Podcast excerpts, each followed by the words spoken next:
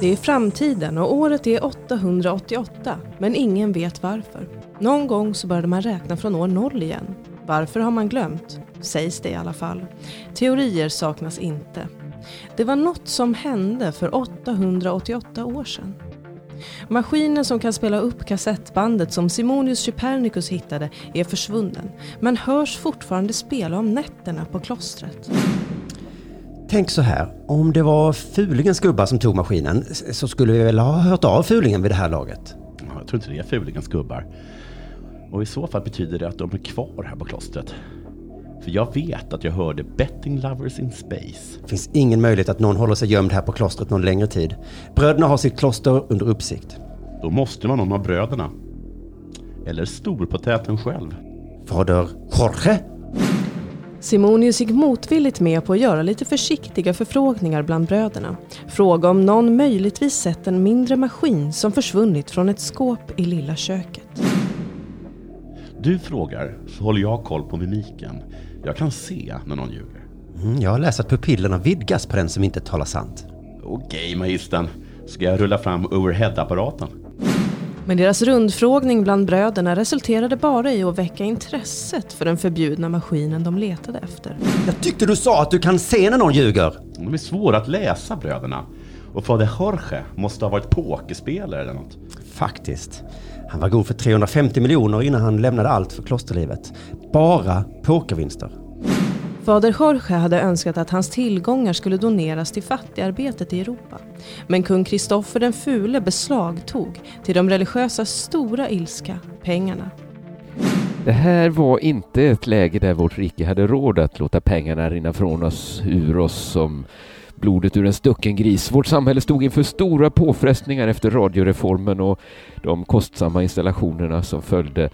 Det handlar inte om att vi inte ska hjälpa de fattiga, men för att hjälpa andra måste man först hjälpa sig själv, annars faller ju allt. Det är ett beslut jag är stolt över att jag tog de där pokervinsterna. De har vi haft mycket glädje av. Talar de inte om poker i Betting Lovers in Space? Jo, kommer vi någonsin förstå kassettbandet? Kommer vi någonsin få höra det igen? Du, jag kom på en grej.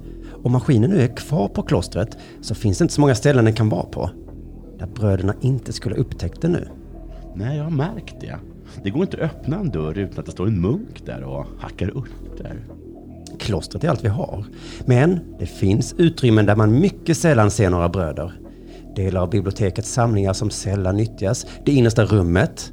Det var förresten där jag hittade kassettbandet. Varför sa du inte det direkt? Det är klart att maskinen är där. Vi går upp dit imorgon. Nu får det räcka för idag. Bröderna har redan börjat bli misstänksamma. Okej, du har kanske rätt. Du, ehm, ska du verkligen dricka så mycket kaffe? Du säger att du har så svårt att sova.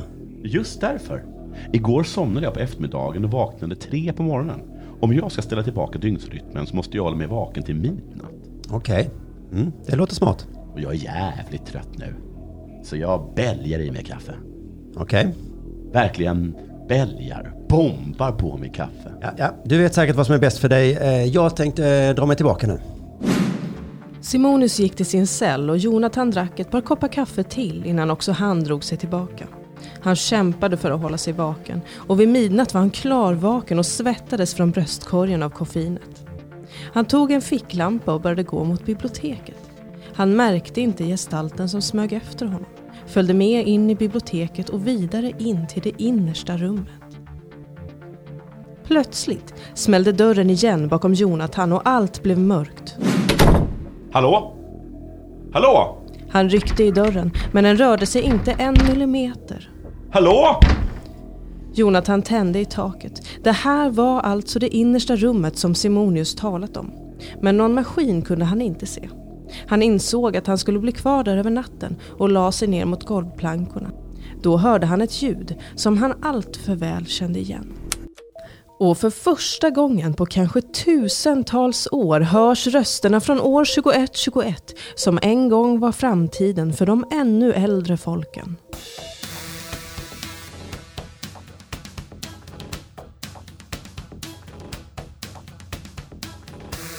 Hello betting lovers och välkomna till Betting Lovers in Space i samarbete med 888 Sport.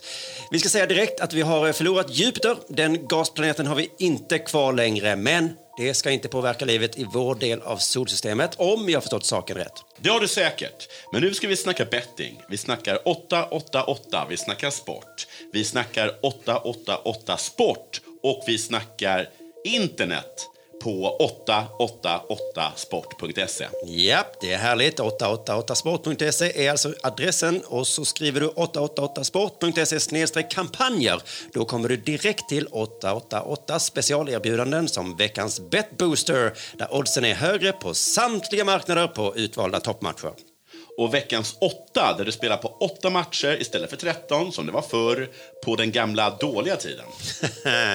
Du måste vara över 18 år för att spela och har du problem med ditt spelande, gå in på stödlinjen.se. Vi, vi tackar 888 Sport eh, för ett gott samarbete, tackar planeten Jupiter för de här 4,5 miljarder åren och vi hörs igen nästa vecka.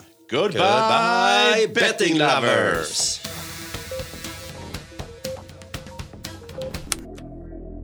Hallå? Hallå? Hallå!